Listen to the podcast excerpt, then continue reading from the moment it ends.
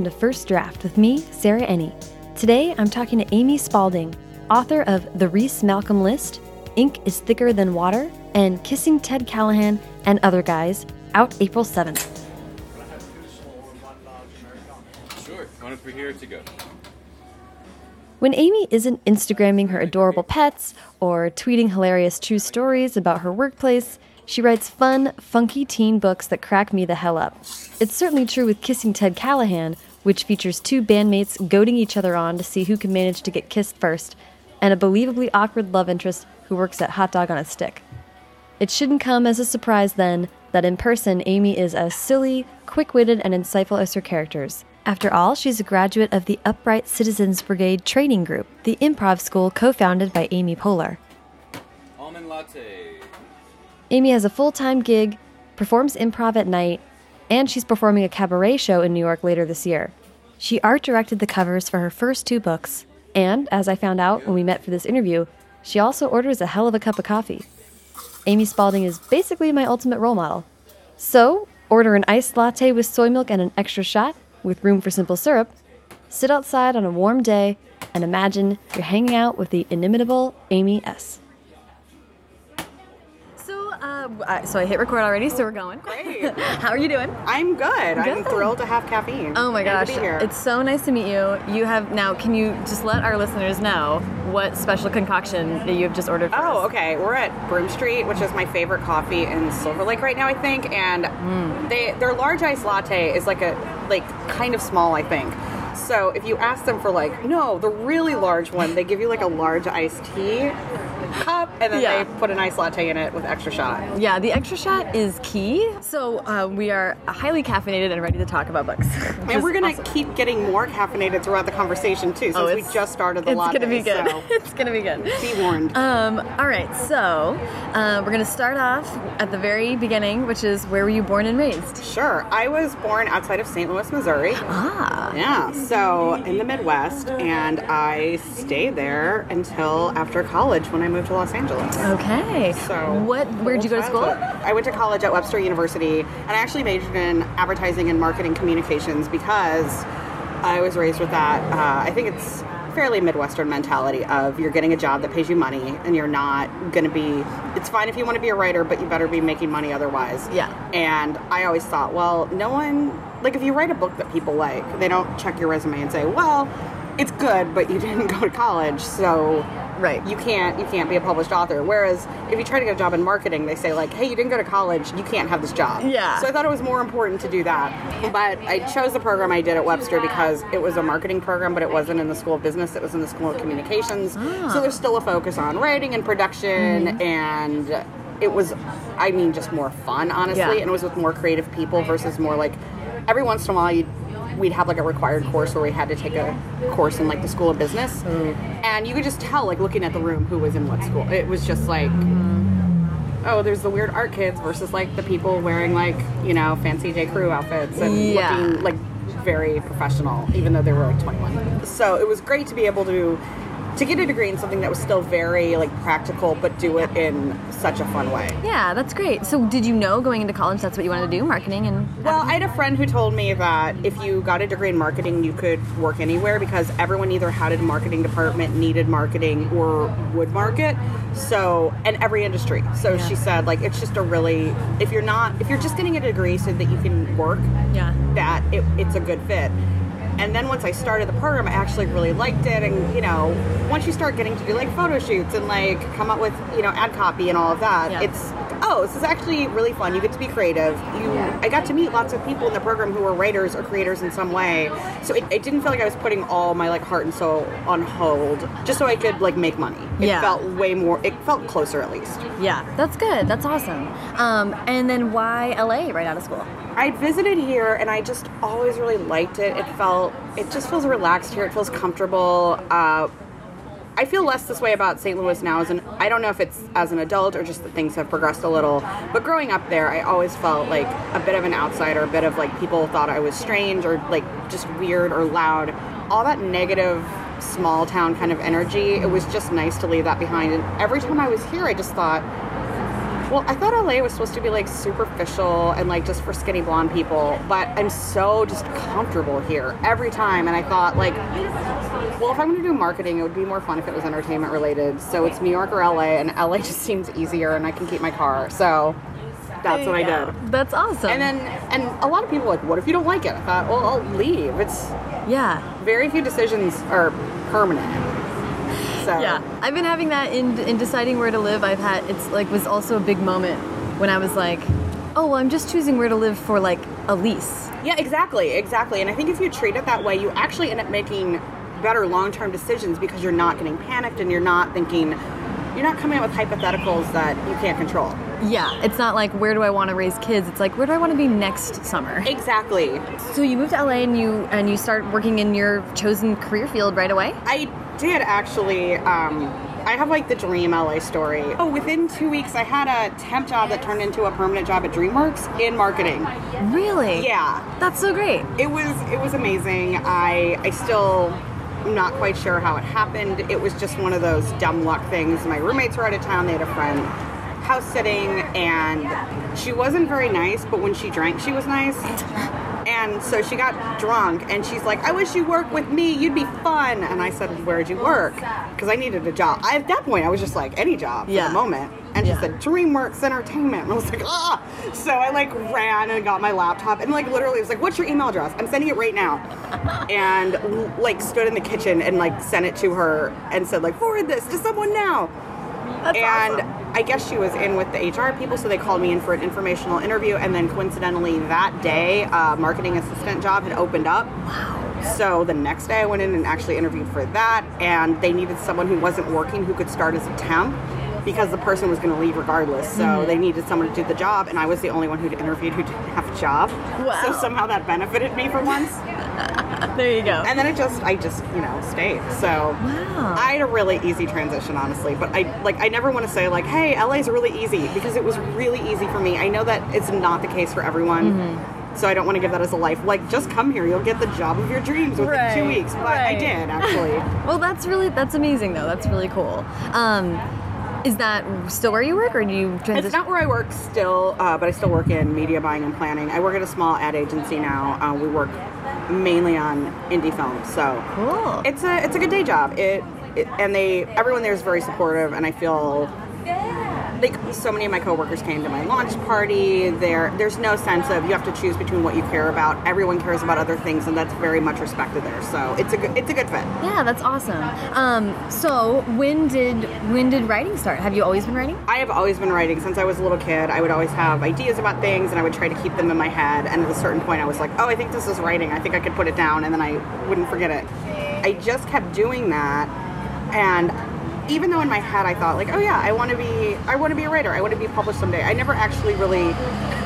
I didn't look into like how long should a book be, like what's plot and structure, or just Right. write things. Right. And I think that helped me definitely throughout high school. I got better at character and dialogue and things like that. But I still, I was in no way equipped to actually write a book. That came a little later. I Yeah. would say in 2008, which is a lot later than grade school for sure. I kind of went through a thing in my head like, well, you could either like you can either do this for fun or you can do this to get published but if you do it to get published you need to actually you need to look into how you get an agent you need to look into like what a book length actually all these things Right. it was a good thing to have but it was also weird to be like this is the day like i make a decision and i spent i spent i think about six months just re- like going on agency blogs and Yeah. editor blogs and reading Yeah. what people were saying Yeah. and just trying to get a handle on okay what are they looking for how do you talk to these people like what should a book be Then the decision to take writing seriously was that spurred on by like one idea in particular? Kind of, yeah. Um, I've been the book that ended up turning into Reece Malcolm List is definitely something I'd had in my head for a long time, and I just couldn't get it really written right. It'd be too long. It was like straddling genres. I didn't really. I was still kind of learning that YA was a thing. Right. I felt like I had a good story. I didn't quite know how to get it out there well. Right. I ended up just setting it aside though, reading a ton of YA, learning all about like the query process and all of that, and then I wrote Ink Yeah. queried Oh, with that, and that was what got me an agent. And then I thought, I think I know how to write a book now. So I went back and wrote Reece Malcolm List again, and finally I was like, oh, I think it's a book now. Interesting. Okay.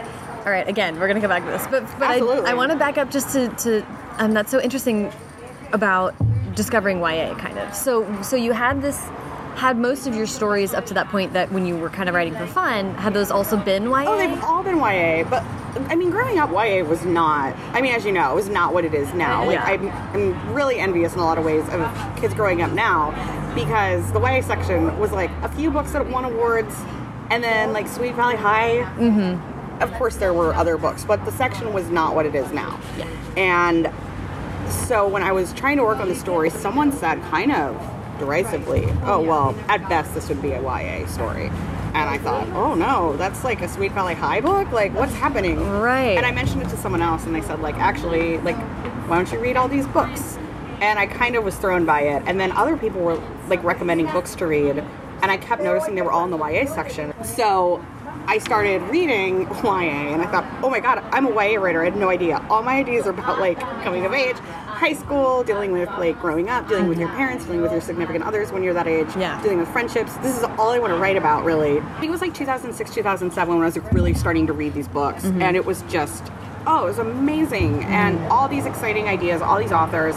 And on top of that, one thing that was always, one thing that I really struggled with for a long time is I'm not a very literary author, and all the people I looked up to when I was growing up were not literary either. Like, Anne M. Martin's books were everything to me when I was a kid. So it was really, it was always like an internal battle because that wasn't what I wrote naturally. Mm-hmm. But I also thought, well, if you're going to be a writer, you should write something important, and you should write something that means something.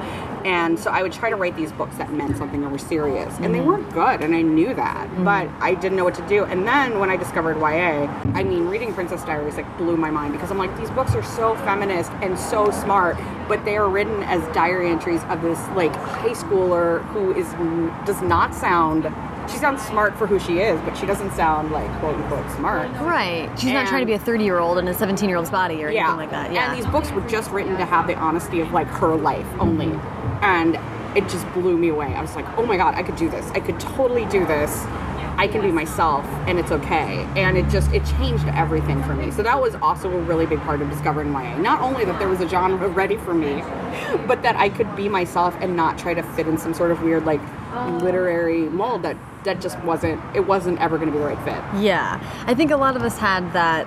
Eh, when you grow up loving books, then you also have this weird reverence. Yes. And to think about how you yourself can fit into that world when you're like, I'm just me. I can't, you know, be Lois Lowry, but like, Exactly. you don't when have to be Lois writing Lowry. a book, they say, "Oh, is it the Great American Novel?" And I would think, "Oh no, it's not. Like, should it be?"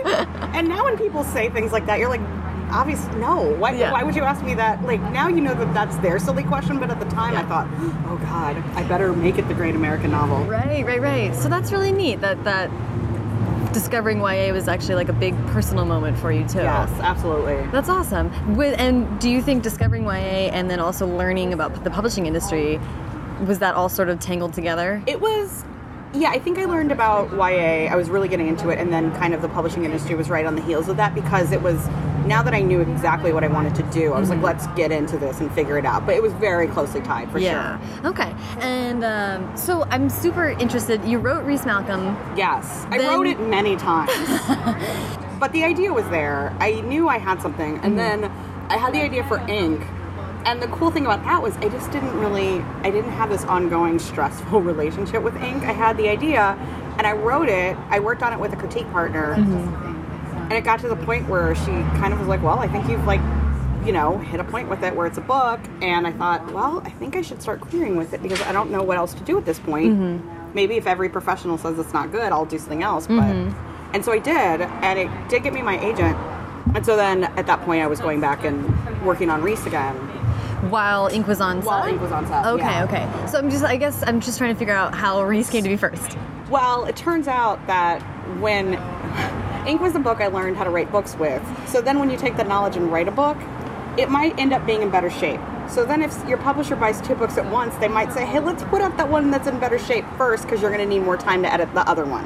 So the funny thing was, it was like I wrote it second, but it was my first idea. So in a weird way, it felt like the universe just was kind of like, oh, we'll leave it out for you. It's fine. That's awesome. I'm curious about how um, those two books interact because they do in a lot of ways. They I do, absolutely. Um, and they're both really. I have questions for each individually, but I just want to jump into this question Sure. because it's like the one I'm dying to ask you about, which is they're both so much about family. Yes. And I mean, where where is that coming from? What was the like? There is no. Where are the parents in your story? No.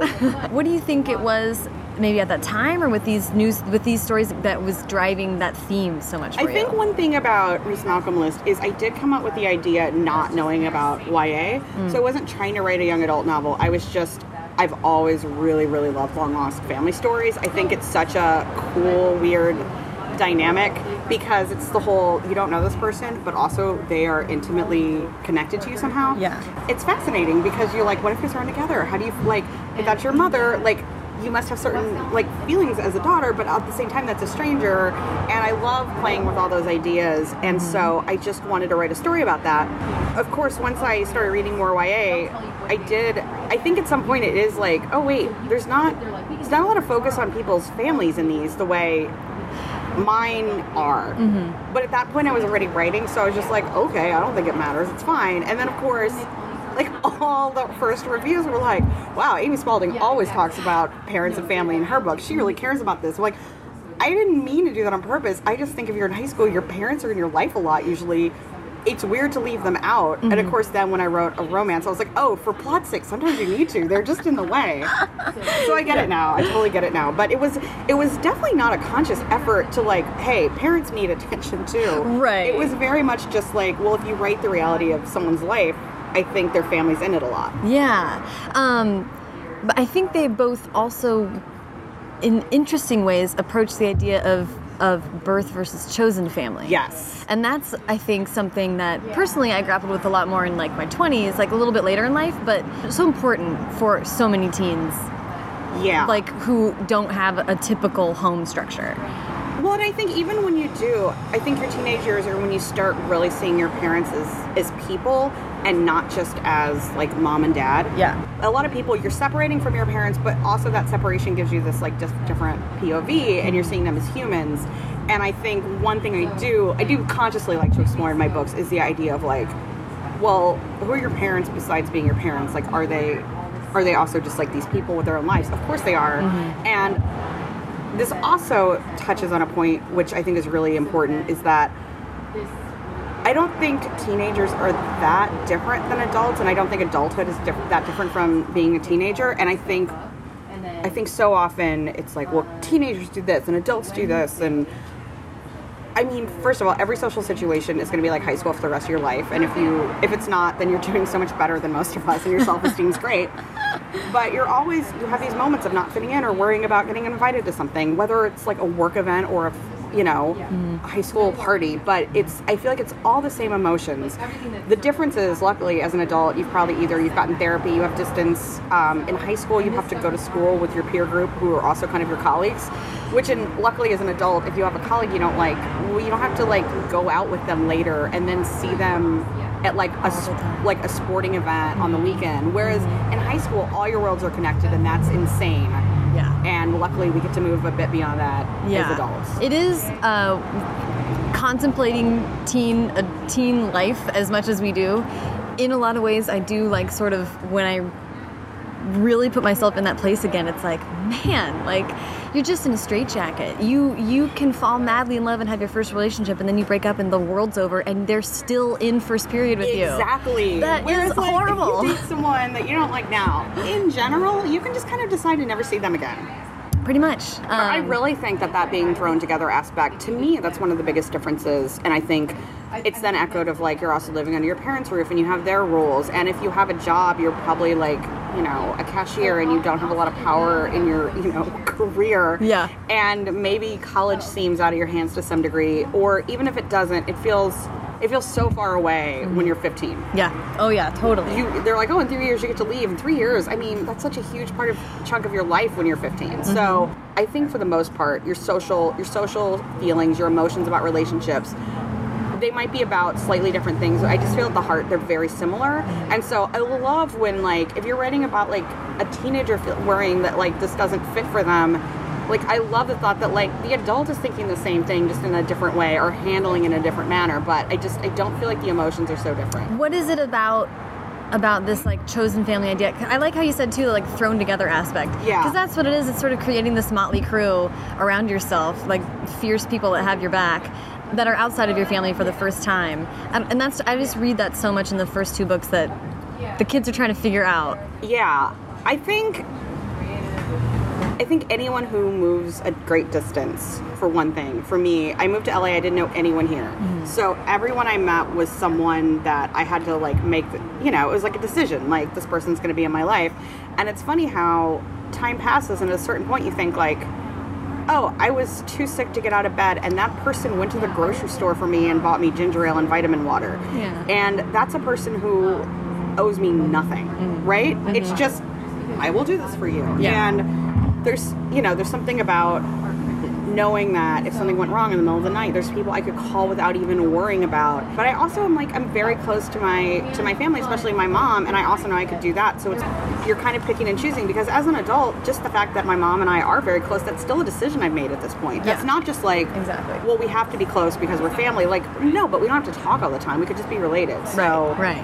a lot of times like things things you deal with and understand as an adult you often then look back to your teenage years and think like like one of my best friends now is my best friend when i was in high school and there's this part of me that's always like good work high school amy because you called it she's awesome Yeah. she's still a person who was always there for you who was smart and cool and great and it makes me just feel like just like a sense of pride about my younger self that i'm like i could spot those people then Yeah. Yeah, I'm also really good friends with my best friends from high school, and it is like, thank God. Like, so, okay, a couple, and just like specifically for Reece Malcolm, I also was curious about, since it is one of your earlier books, but it's you're writing about a writer, right which is sort of interesting. Was there anyone else in your family that is a writer? No, um, I just really, I don't even. I started the idea so long ago. I wish I had a better like.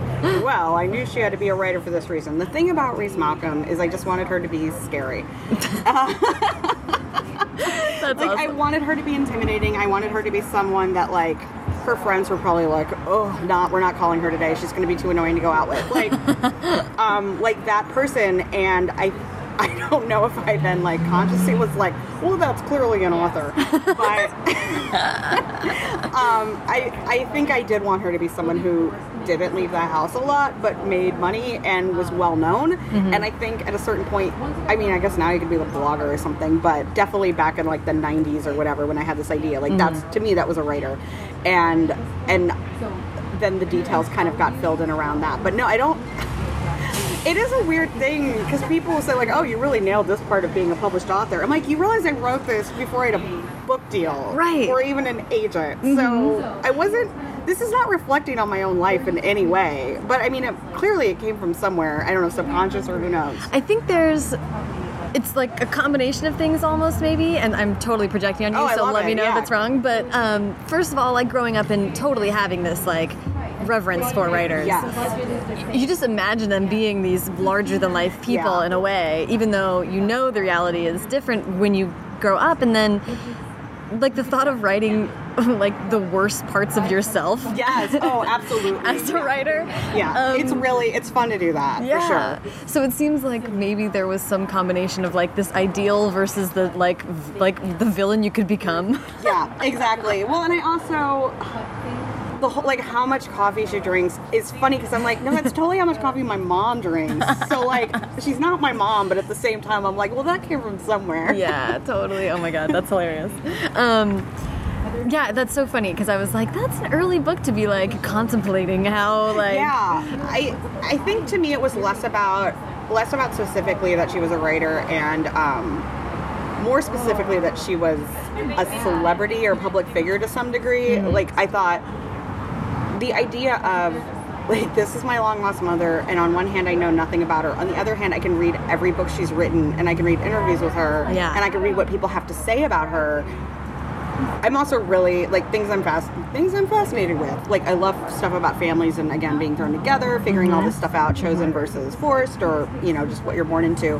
But I also love. I mean, I live in LA, but just the idea of um, I guess like celebrities in real life, and I don't mean like let's find people we're fans of and Yeah. become their friends. that sounds great. Anyone I'm a fan of, please feel free to become my friend. um, but the idea of these are real people and who are portrayed one way, but they're still they're a human. Yeah. They have personal relationships, and I think there's something about there's something about like you can learn about a person and be like a fan of them or respect them or even not, but like have an opinion about them. And then if they come into your life in some way, it's really it's strange and even just interacting with them or you know I, I live in la I, you know i get to go to events sometimes and i'll go to something and there's like an actor i like and they're standing three feet from me and i will say sometimes my reaction is to just try not to yell because it's weird and i don't understand it. And i'm like how is that a person who i see and now they're just here and they're just having like a conversation and eating like a piece of cheese? It's it's jarring. And so I I love the thought of like, oh, so what if your long lost mother is also someone you like Googled a bunch? Like, Yeah. I'm like, let's just make it weirder. So I think yeah. that's so. I like that. That's really interesting, and that does raise. It's fun because it raises so many questions that then you just want to dive in and answer. exactly Yeah, um, which is I'm guessing what kept the story fresh for you after writing it many times. Yeah, definitely. Also, I feel like I'm sure other writers feel this way too. Sometimes, like if you have an idea that you know is good that you can't execute, you're gonna keep trying it until you just like flat out fail or you succeed. I think it's one thing. You, you might have an idea and you try it and it doesn't quite work. You're like, okay. But there's other times you're like, no, I know this is a good idea. I'm not writing what's in my head. I'm still not there yet. The Reece Malcolm, I uh, uh, musicals Yeah. are a huge part of that. So, what is your history with musicals? I love musicals so much. I am not necessarily. At one point, I wanted to like direct or maybe stage manage. I did a little like assistant stage managing when I was in college. I loved it. I loved it. I love that whole world. Uh, it definitely was. Like I feel like if you're a writer, your backup plan can't be to be in musical theater. right. And if you're a musical, if you're in musical theater, your backup plan can't be a writer. So I think it kind of had to be like you can do one of these things, but you can't do both. And I writing was just more of a, it was more of a love for me, but it was also more of a thing I could do and I could do living in Missouri. But I've always stayed a fan. A week won't go by that I'm not listening to some cast recording in my car. It's just like it's it's, it's just a huge part of like a thing I love. And so when I was working on the book, I thought um, if Reece is this like really respected, talented author, I just wanted Devan to have a talent, but I wanted it to just be like completely her own thing. I just thought like that's as far from like a well-respected, serious author as you can get. Mm-hmm. Mm-hmm. Yeah, and that's what um, that you love musicals so much, and that you're sort of like in that world a little bit. Yeah. I'm curious about how that is a really unique and different form of storytelling. Do you do you think there's any part of the like the uh, vibe of storytelling in musicals, or, or the structure, or anything about that that that is um, that has a place in your writing? I assume so. I definitely think it's probably a subconscious thing, and I'm not sure I could point to it. But I know, you know, one thing about musicals is a lot of times the the songs are when the emotion hits the height of we can't communicate in words anymore. We're going to sing this instead. Or sometimes it's a hard way to explain something, so it makes more sense to delve into it in a in a song or have a Greek chorus that explains it. And I think it does force you to think about like, well, you don't always have to just have the information come in a straightforward manner, or you can hit a point where, you know, I'm not going to have a song, but I could have a moment that's a little more exaggerated or heightened that I'm like, because we hit a certain point is allowed. So I, I'm sure it floods into it, and there's definitely also just things about musicals that you're like, you can't get away in books. It's like one thing I think especially like a lot of musicals in the 80s did was like, you have like this character who comes on for one song and it's like the best song in the first act and then you never see them again and I'm, i like totally think i write that way when like here's a person who's delivered a very important piece of information. And then your editor is like why is character like make someone else do this. It- Yeah. so i think sometimes i have to fight it too. But yeah it's definitely it's really close to me. And I think most writers, you know, you're not just getting your ideas from other books. It's it's television, it's plays, it's musicals, it's you know, This American Life. It's there's a lot of places good sto- storytelling is happening, and I think having a lot of different areas that are interesting can really like make you think about your own stuff. Uh, hopefully, Yeah, no, I, I, I think that's a really thoughtful answer, actually. So I think you know exactly what is an element of your writing that's from that. But I also got the vibe of like the um, musicals are unabashedly trying to entertain, and Yeah. I think you, I know you're you were hesitant about calling your writing com, um, Commercial. commercial, but it's but it is entertaining writing, and it sets out to be that. I think. Oh yeah, for sure. And and again, that's just that's what I was interested in growing up, and it was really freeing to hit the point of oh, I just want to write fun books Mm-hmm. that are fun. And it doesn't mean that. I, what I love about it is it doesn't mean they're not dealing with very real, intense issues. Exactly. I think my books definitely have a degree of wish fulfillment, and I don't want to take that away because I think, especially when I was younger, like if I'm going to read a fun book, like I want, I want it to turn out fun. I want Yeah. every, you know, I want you to kiss the boy at the end and like Mm-hmm. get what you kind of get what you want a little and. But I also like playing with that. Like, well, I, I think part of Reece Malcolm list is definitely like, what if you get what you want? Because she does. Like, she gets her long lost mother, and she gets to go to a cool school and meet all these cool people. And it's her life is no easier. In some ways, it's much more complicated. Right. And I, you know, I love I love playing with ideas like that too. Like, Yeah. well, let's like hit all the wish fulfillment tropes, and then like, what would that actually be like if you're like a real person versus like a fairy tale character? Totally. Um, yeah. which is similar. I know we haven't really gotten to it yet, but similar to what I wanted to do with Kissing Ted Callahan, which is like, what if you write a romantic comedy, but it's about like, in real life, most of us are just far more awkward and overthinking and neurotic than, you know, people Yeah. in romantic comedies. When you wrote Ted Callahan and then you, or you read Reece Malcolm, then Ink uh, comes to you. When, when in the process, like, wh- how did that idea come to you? Um, my brother is adopted, and so there were some adopted adoption related things going on in my own family. And of course, as a writer, you have moments of like, um, that's an interesting story. And I certainly, it's not at all based on what was happening in my family, but what it ended up boiling down to was I thought, oh, what if you were in high school and you were adopted and you got to reunite with your birth family? Wouldn't most of us just do that? Because when you're in high school, like your family's so annoying, and you're like, I wish you weren't my real mom. And then, like, what if that actually happened? But then I thought it would be more interesting for some reason, even though a lot of rejecting editors told me I was wrong. Uh, I thought it'd be more interesting for that to like be your sibling going through that and you seeing it. And whereas a lot of people like, why isn't this just a story about the sister? I thought because we've all read so many stories about like adopted kids like finding their biological family. I thought like, what does that look like from the outside? Yeah. And so And of course, that's a perspective that you. Exactly, and again, so far removed from like what actually happened in my family because this is like the book version, obviously. Right, right, right. But it did like definitely set me off on that. Um, what would that be like? And it was just more interesting for me to explore it through like this character's sister and like what it would feel like to be that age, to see this happening. And someone that you. It, it is difficult to imagine. I'm thinking about my brother, and if he. If I was like, oh, you're getting the choice to go to a different family, Yeah. but I love you and you're my brother. Like, Exactly. very complicated Yeah. emotionally. clearly I was like, well, that should be a book. And I just immediately like had Kelly's voice in my head. I knew exactly how I wanted to write her. And it was like I went home that I was I know exactly where I was driving and just like ran home that night and just like sat down on my laptop and like knocked out like a page or two. Wow. And was like, oh, I think this is gonna be a book. I think I should write this. How did the idea to set it in the tattoo parlor come about? My idea was I think so often when you see like TV shows, I think it, it's covered more in than movies. When you see television shows where people reunite with their um, biological mother, it I feel like she's always like, oh, strung out, and then I had some babies and like gave them away, and I'm just figuring out my life. And I thought like, what if it was like what if like the biological mother was the one who was like super together and like in fact that played into why she couldn't keep her child because she was like maybe in a high pressure like college program or something. Mm-hmm. Because it happens. And and then i thought like well then if i do that i want it to be the opposite with the family i want them to like i don't want them to be a bad family but i want them to have something on the surface that you would just automatically go like oh that doesn't seem like a healthy environment and the first thing i thought of was um, tattoos especially because like people will say things to me like I mean, not so much anymore. I feel like my social circle is much cooler at this point. But people would say things to me like, well, if I had a child, I'd never leave you alone with them. Like, I'd come back and they'd have a tattoo and pink hair. And I'm like, why do you think because I do things like that that I would like do that to an infant, you weirdo? but it did make me think like there's something about a heavily tattooed person that just is not trusted with children almost, which I think is so silly because especially now, like we all have tattoos. Yeah. Everyone's starting to have babies. Like It's a generational shift that's happening now. Exactly. But there was,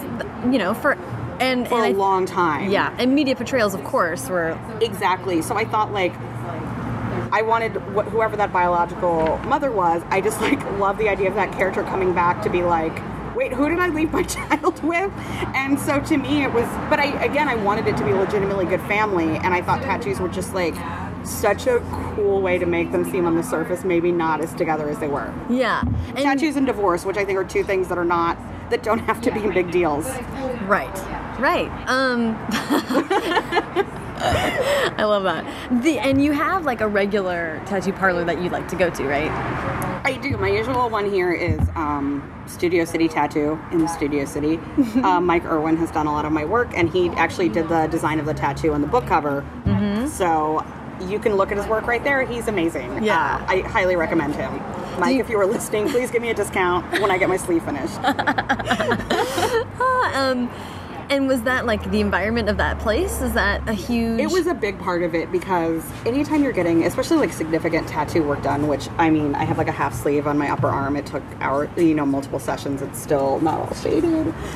You have to really like the vibe of the place because you're spending a lot of time there. It's, of course, it's also like kind of a weirdly intimate thing because like this person is like putting ink into your body for forever, and they're like getting into nooks and crannies of you know your body that you're just not used to like being touched much much less by a stranger. Mm-hmm. Like mm-hmm. you know this guy was like up in my armpit for an hour and that's just not a place that people are usually up in much less for a long time. Yeah. and so you really want a place where you feel safe and you feel comfortable and I think a lot of tattoo places can be like that. And so I really wanted to portray that idea of like, this is a comfortable place, this is where people like to spend time. And also, when I was in high school, my parents, they did not own a tattoo shop, but they owned a Mexican restaurant, which Oh, is really? almost the same. but it was also that feeling of like, when you get off of school, instead of going home, you go to the restaurant, and you hang out, and you know the customers, and you know the other employees, and you help out. And so that was a really, that was a really big part of my high school years. So I wanted to find a way to kind of work that into. Yeah, that's I didn't know that. That's awesome. Um, and makes total sense. Yeah, like a sec, like a um, what do they call that? Third place. Oh yeah, Um, yeah, Writing St. Louis. yeah. Was that something you purposefully wanted to explore? I did, which is funny because now every single idea of mine is uh, basically LA based. Um, also, it feels like every idea, every title of mine now has a name in the title. So I'm like, oh, ink. You're like, you're like the weird, like you're set somewhere different. You don't have a name in the title. Like, I still love you. It's it's fine. Um, uh, yeah, I I just hadn't read any YA books set in St. Louis. I hadn't even read a lot of books, period, set in St. Louis. Yeah. Especially like modern St. Louis. And I just thought it would be really fun to write about. Thinking back to when I was, you know, just got my license and, you know, my best friend and I would just tear around the city. We had all like cool places we would go to. I mean, it was the early mid 90s, so it was definitely like to buy, you know, our Doc Martens and Manic Panic. I, I just thought, like, those are great places that I love exploring through these characters, and then it would be funny because people read it were like, "St. Louis sounds so cool. I want to go there now." I'm like, "Oh, I might have." There's things about it I could have oversold because I only talked about the cool parts. but that's neat, and I like that. I think a lot of um, a lot of books that I've read that take place in Middle America are like like nameless towns that can represent anywhere, and there's a, a, a perfectly good function for that. But it's neat to have the vibe to say I'm Yeah. going to give the vibe of this particular place that you remember. Yeah, for me, I mean, for me, I think it's also like it's just easier writing about real places. But I also think, well, these places are there and exist, and I'm writing contemporary realistic. So why not use that? Like, why, like, I try to write in a different part of LA for each LA book, mm-hmm. and it's so fun because I go to the different neighborhoods and I think, like, what do I like to do in that neighborhood? What do my friends who actually live in that neighborhood like to do? And you know, is this, you know, some parts of town like everyone walks, like writing about Studio City? I, I don't think they walk at all It's the valley. So it was really, it's fun to balance that out. Okay, so then let's talk about Kissing Ted Callahan because I'm freaking um, dying for this book. Do you mind just giving the pitch for it really quick? Uh, not at all. Well, my, my wonderful publisher is saying it is uh, Nick and Nora's Infinite Playlist meets Easy A, and I'm not sure I would have ever come up with that, but I love it. That's awesome. Uh, my main character Riley and one of her bandmates Reed, they stumble upon their other two bandmates Lucy and Nathan um, in the middle of doing it, and they're devastated because not only were their bandmates and best friends sneaking around, they realize they're the two in the band that have not had any experience really. So they're like, we have to solve this. We have to help each other. I'm a guy, you're a girl. We can help each other. Let's do this. So they Anyway. have this notebook they call the Passenger Manifest, which is totally a Lost reference. Um, Is it? Because I was not sure. That's it's totally a Lost reference, which is, by the way, not even super into Lost. It was just like, well, clearly that's what they call it. um, I love it. and so Riley has had a crush on Ted Callahan for a long time. Reed has a crush on three girls. And uh, they basically use this notebook. They try to help each other, but of course, um, you know, shenanigans ensue. Yes.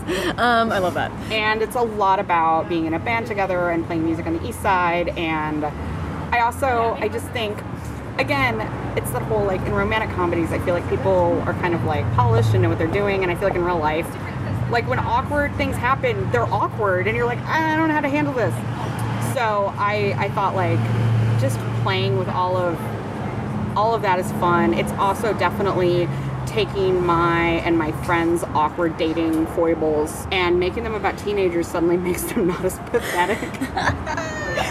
so I wrote, you know, I got an agent off of Ink. Mm-hmm. and it kept almost getting book deals and it didn't. And I want to say that this was when Twilight was huge. This is when what people were buying was was paranormal romance for the most part. And I don't want to say that's the only reason it didn't get published. It was also a lot of well, this is a really quiet story. It's not high concept. And I think I mean that's fine. That's that's what I write. And the nice thing is at this point in time, contemporary realistic has really cycled back into being a thing. Yeah. And now I feel established enough that if it goes away again, hopefully I can keep doing it. Yeah. Um, hopefully, fingers crossed. But at the time, it just wasn't a thing. People would literally say, "Oh, we love this. We've already bought our contemporary title for the year." Yeah. And so it was just that was That's the point in time. So I was getting really frustrated, and I thought, well, okay, but I think Reece Malcolm List maybe is a little slightly higher concept because there's a long lost mother and there's a performing arts school, and we got the exact same things. Mm-hmm. And I was just devastated. I thought, like, I always thought it would either be like we like it or we don't, and if we like it, we'll publish it, and if we don't, I could get better. But I was hearing like. We love everything you're doing. It's just not what we can sell, and I like. I'm like, how do you react to that? Yeah. Because I'm doing exactly what I want to do. I'm doing it the best I can. I'm even getting good feedback, and yet I couldn't. I couldn't sell it, Yeah. and I felt so just frustrated. And you know, I went into, back into therapy, and I was just trying to sort through this. And then um, I was talking a bunch with a friend of mine. We are like, there was a lot of like me giving him advice about a girl, and there was, um, you know, just that kind of talk. And I thought like this would be so fun if it was um, a YA novel. And so I started writing Kissing Ted Callahan, and I was like, I'm not gonna write about family. I'm not gonna write about anything serious. I just want to write about making out with a bunch of guys and make it really funny. I'm like, romantic comedy should be like comedy 1st mm-hmm. and I want to take every trope and blow it apart. And of course, like I, at a certain point, you're like, the tropes exist for a reason. You need to like, if you set this up, you need to have it fill. So I mean, I wasn't quite as like anarchic with it as I intended initially. So I just thought.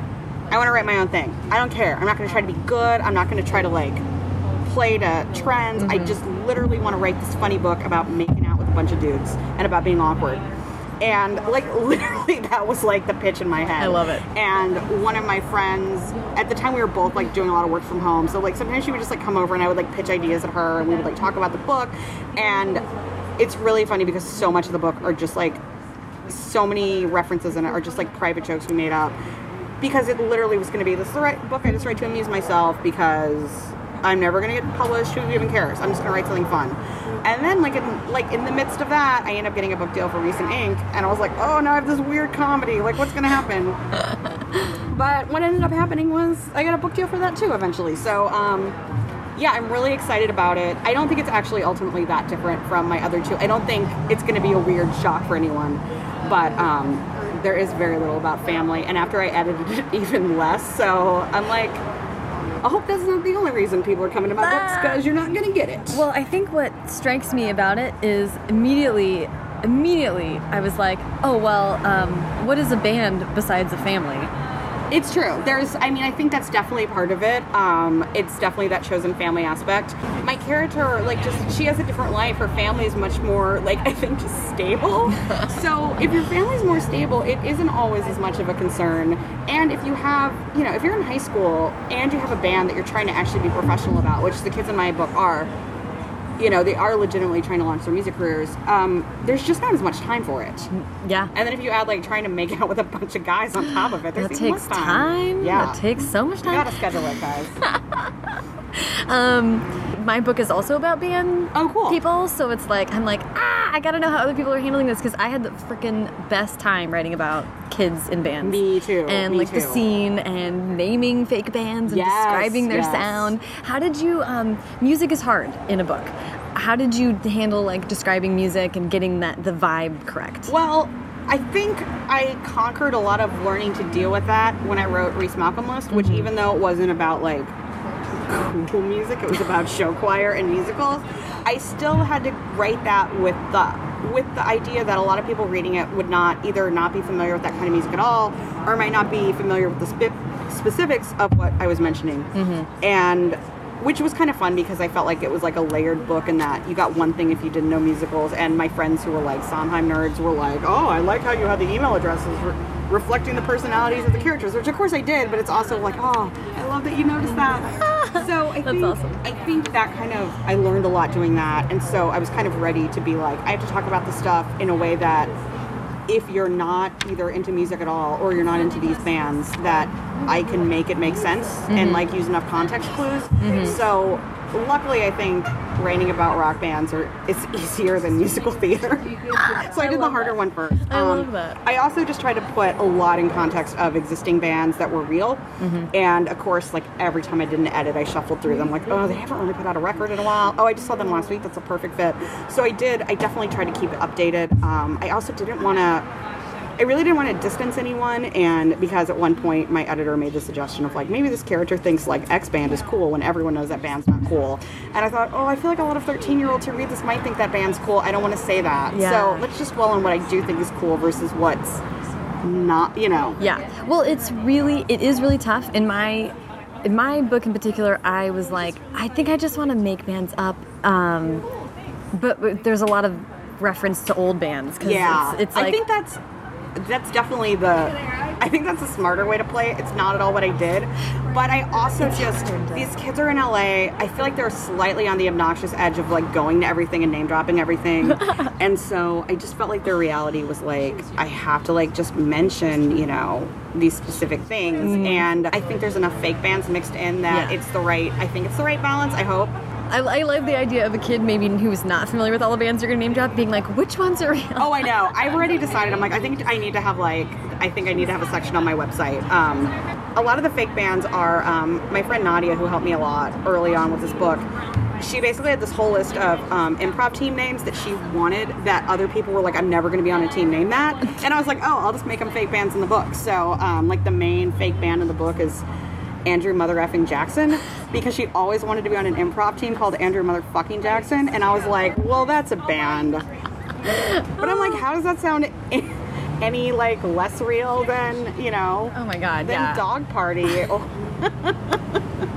Oh, I love it. Um, so okay, so the return to LA. This is definitely part of what I wanted to talk about. Um, returning to writing LA, and you said that you wanted to choose a different neighborhood. You wanted to specifically go at a different Yeah. place.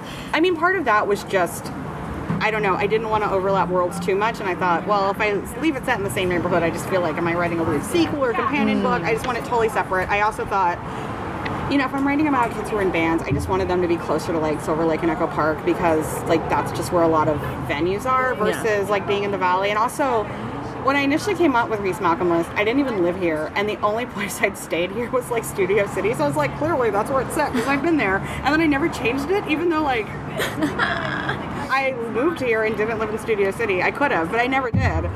But I wanted it set more in you know my side of town and like going to places that I actually frequented. Yeah. And, and then after that, I just kind of thought like, oh well, every time I read an LA book, it'd be fun to switch up the neighborhood a little. Doing that seems like a really cool way to keep the city fresh to you. It is. It's also, I think, to readers hopefully because yeah, they're all LA books, but I think like I think a Los Feliz book is different than a Studio City book, and mm-hmm. you know my next thing is set in Eagle Rock, and I think that's different too, even though it's a little closer. And it's nice to really dive into a neighborhood, especially because I think LA is very provincial in that way, and that we tend to like pick where we like because it's a pain to get around. And you're like, I'm like, I live over here, I do things over here. You better really be cool for me to leave my little area.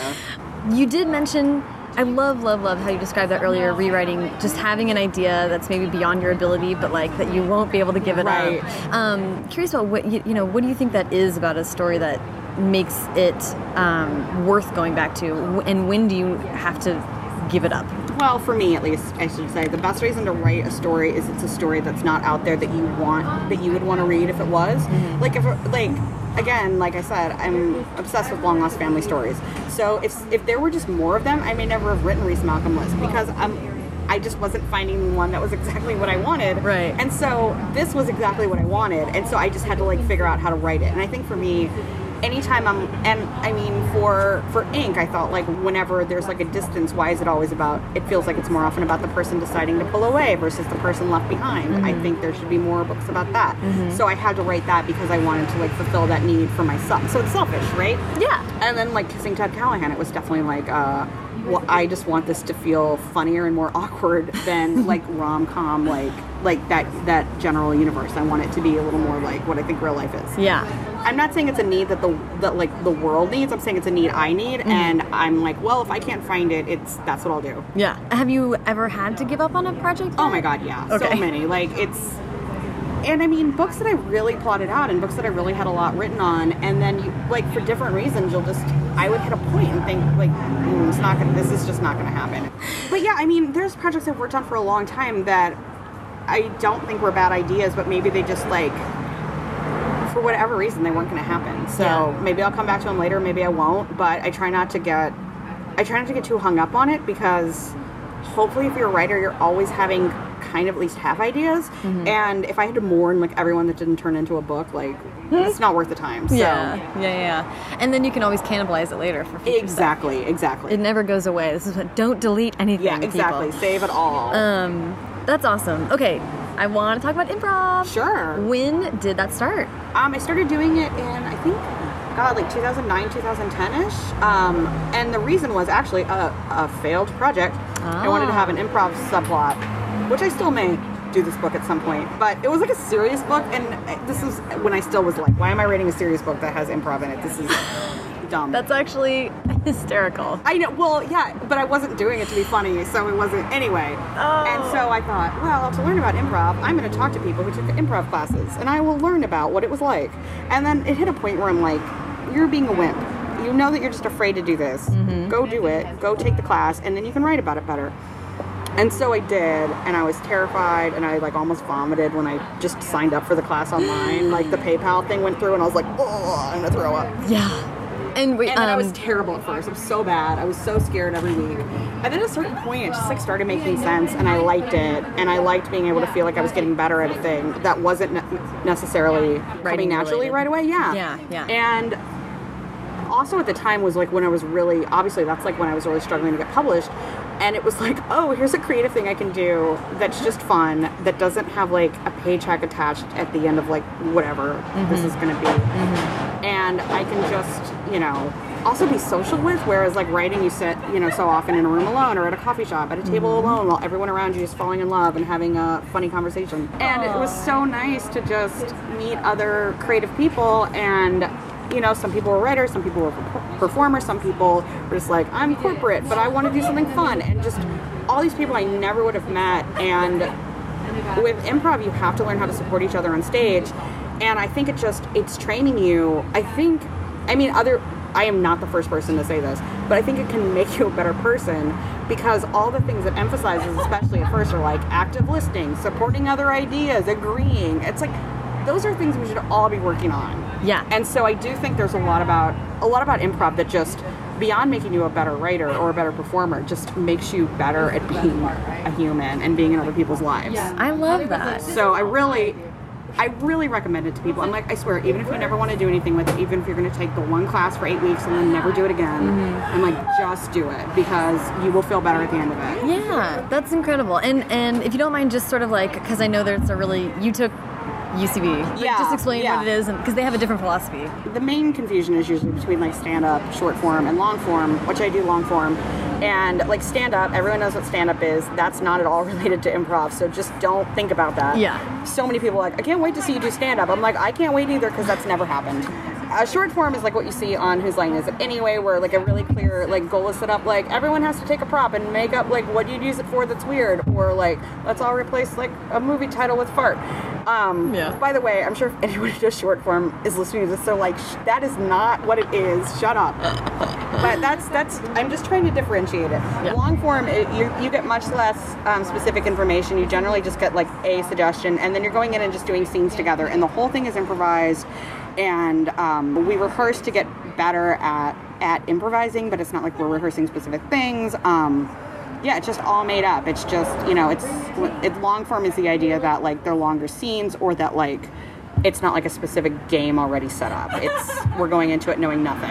And the hope, I think, and this is just what I've read online about it, but, but it's Upright Citizens Brigade, Mm-hmm. um, LA, which is where you took classes. Um, and the the idea is to set off on a long scene that then like has an arc, like it yes, becomes still, a story. You still, yeah, you want to find that. I mean, it's called like finding the game, which is like the unusual slash funny thing about like what you discover on stage, and you want to like find that, identify it, and then find a way to like keep emphasizing and heightening it throughout the scene. So yeah, it's that it will feel like it has a narrative arc, and that you're not just up there like like the best improv you've seen. You would swear is written because it's so perfect and it's so surprising. Mm-hmm. And it's so funny, and the worst you'll see just feels like adults playing pretend in front of you, and it's like, oh. And I have, you know, I've done scenes where I left the stage, and I'm like, oh my god, I can't believe I did that. That was like so funny to me. I feel so great. And then I've left the stage like, oh my god, I can't believe I just made people watch me do garbage, you know? Yeah. So I think like improv at its height is just just one of the best, you know, live comedy things you could see. I think improv at its lowest is terrible, but um, that's how you get better is doing it. yeah. I think one thing for writers is, um, and again, I'm just speaking for myself, but I'll use the, you know, the royal we. Yeah. Um, we can get really in our heads about things, and we can really get like, I think this could be better. I think this could be better. Oh, I'm not sure if I can stay with this. Should I change it? Should I update this? Is it strong enough? I don't know. When you do improv, you can't do that. You make a decision on stage, and then you have to justify it. If you name a character, you can't like pull up the internet and be like, what were popular names in the 90s? And that's what someone would have been named. It's like, I just have to be like, oh, sorry, Anne, it's coming along great. And like that character's name is Anne. No one, like, no one's gonna be like, what are the implications of that character? Like, you just have to make decisions and stick to them in the moment and justify, you know, throughout the scene why they happened and why they should make sense. And I think that's so good because sometimes when I write, I just have to be like, get over it. Just write something down and keep going. You, mm-hmm. The great thing about writing books is you can fix it later. Yeah. So Yeah. um, it's good to have these scenes where you can't fix it later, but also it doesn't matter. It's going to go away, and just you keep getting better at having to just come up with stuff and justify it, and then just like moving on. Mm -hmm. Has it specifically impacted the writing process at all? I mean, I think it's stuff like that where I just have to make myself get like less bogged down in details and just Yeah. keep moving forward. Like if if I could be thrown on a stage and come up with a scene, I have no excuse to be sitting down and going, "Well, I can't finish this because I don't know what to call the gym teacher." Like, just give him a last name. No one cares. Get over it. Or if you make a weird decision instead of, um, there's a scene in Kissing Ted Callahan where she says something really dumb. I mean, there's a few scenes. There's a specific scene in Kissing Ted Callahan where she says something dumb in front of a, the boy she likes, in front of Ted Callahan, guys. Oh, man. And it happened because I made a typo and I spelled the word wrong, and I laughed so hard at how I misspelled it that I'm like, what if she said that? What if that? And like, I like came up with the whole scene justifying that she did. Which I think, like, if I, I don't want to say if I wasn't doing improv, I would have deleted and gone back, but I think there's a chance I would have. I think it was more like that moment, that accident in the moment. Like a lot of like in improv, so often making a mistake can be the best thing that happens to a scene because if you said something normal, it's just two people talking. It's just kind of like a play. Yeah. But like one person accidentally says like something super weird mm-hmm. and. The other person recognizes it as weird. Suddenly, you like, oh, now something's happening. Yeah. And I think, you know, just that's like a small example, but things like that, I'm going to go with it instead of, Yeah. you know, Well, I love that, and and and I felt like um, that might be true because I've had instances where I write a scene and there's like banter and and it feels you're writing it really quickly and it feels so fresh and you're just kind of letting it go and then I try my hardest to leave that alone. Yeah. So it stays feeling fresh. exactly. Okay, so um, I love what I love that what you said about improv and and how it's not only writing but like life. I think that's Yeah, I, I really, I really, I know it sounds like I recommend it to a lot of people, and I think they're like, eh, I don't want to perform, or I don't care about comedy. I swear, if you don't care about performing or comedy, you you will be better at your book launches just being in front of people or answering questions that are surprising or just I just really recommend it. I think it's good for everyone, and if especially if you're someone who lives in New York, LA, or Chicago, you have so many great places you could be taking classes. Just you know, Yeah. surrender the three or four hundred dollars for eight weeks. Do it, and I promise you will get something out of it. Yeah, that is, I'm not being paid by anyone to say this. I literally am. I'm a really strong believer. That's awesome. You've given already like tons of good advice, which is usually what I wrap up with, um, but it's like peppered throughout, which is awesome. So instead, I want to talk about art directing the cover. Sure. 'Cause that sounds but I like it also have advice. Do you want to hear my advice if you actually ask me for advice? Bring it. Okay. Uh, my main advice is just to calm down and be patient because publishing takes a really long time, and everyone will make you. When you're on Twitter, everyone's like, "I wrote ten pages today. I got a book deal today. I got this today," and you're like, "Oh, I'm not doing anything." I'm just like sitting on my couch watching Top Chef from three years ago, and I know who the winner is already. It's just, what what's what am I doing? Like it always feels like that. You're fine you don't need to do things by a certain age or a certain time. It'll work out. I couldn't get my contemporaries out there into the world before, you know, paranormal took over. Great, they came out later. It was fine. It worked out. So, like, I someone told me once, like, if I didn't get a book deal before I was 30, I might as well not give up because no one would push an author who was older than 30. It's not true. Be patient. Don't worry. But art directing the cover. Yes. How um, did this come about? So, for my, my first two books were with a smaller uh, publisher. And um, when I saw their book covers when I got signed, a lot of them just looked a little not great, I'll say. Mm-hmm. Um, and I thought, like, oh, I don't want my book cover to look not great. And my agent's like, just be really positive about the kind of book covers you like, and we'll get you a good place. Like, don't like don't make that a thing you worry about. Like, Yeah. it'll be fine. And so I was trying to come up with like covers I really liked. And then I thought, like, why don't I just look at stock photos and see if there's like a photo I really like? Uh, and this was for Reece Malcolm list. And I found a photo of a girl like lying on her back in the grass holding up a notebook. And I was like, oh, that's exactly what I want. But that girl like looked 12 and was wearing really ugly clothes.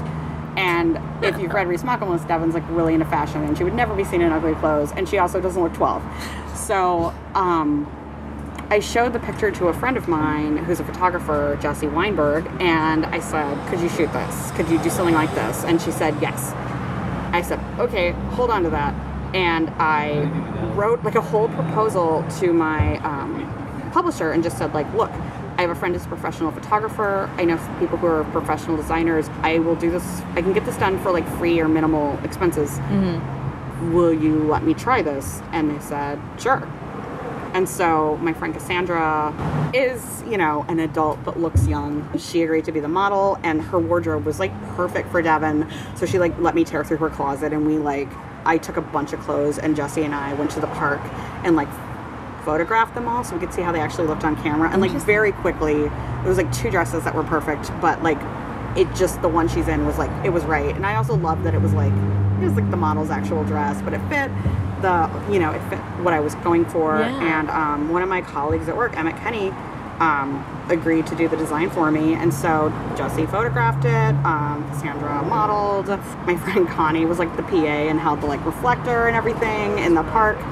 We like got run out for doing a photo shoot in the park without a permit. And I was like, this is not for anything commercial, which is not true, but he left us alone. um, yeah, and it went really well, and I think the cover's beautiful. I love it. Um, It's and such a then- fun cover. It's and then really- I think because I because it turned out so well, they're like, yeah, obviously you're doing ink, it's fine. And so for that one, uh, I went to my tattoo guy, and he he designed that for me, and it looks I love it. And then told me, you know, how to basically how to like do a fake tattoo to make it look real. Yeah. Which if anyone's curious, there's like there's printer paper you can buy that you just print it, and then you put it on a person, and then you dust like face powder on top of it so it looks splendid. But we also like Jesse photoshopped it a lot to like get rid of any like Yeah. evidence and make it look more real. So Yeah. But it turned it again. It turned out great, and that model is. Uh, Kristen Williams, and she is a good friend of uh, Cassandra, the model from Reece. So That's so great. and they run a they run a style blog together called Style Smoothie, and it's great. It's like Southern California beach That's style, and I fully recommend looking at it. But it's also so funny because they are like adult women, so it's like oh you can see those models, but like just like looking like grown ups versus you know Yeah. looking like teenagers on my book. But I love it. That's so cool. I love that it was this like DIY effort to. Yeah, it came together really great, and um, you know, when I signed the deal for Kissing Ted Callahan, my new editor said, like, you know that like you're not going to have any control of your cover at this time. And I was like, oh, thank God, it's a lot of work. I did it twice. I'm really happy. I'm done. I'm Yeah. over it. Yeah, I don't yeah. need to do it anymore. That's kind of. Uh, unless there was anything else you wanted to bring up while Um, chatting. No, this was really was- great.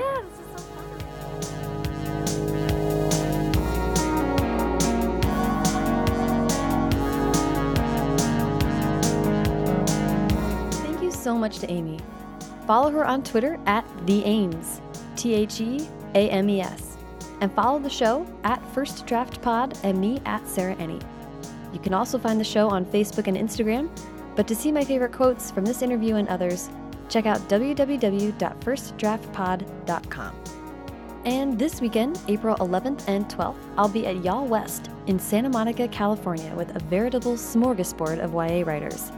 Come check it out, and if you see me, say hi.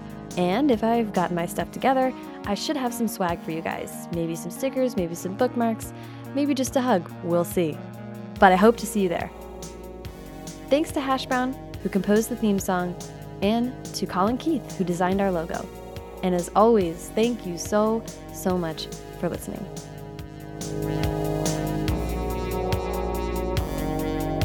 I was told once, Amy, take the stage out of your voice if you're going to come here and talk.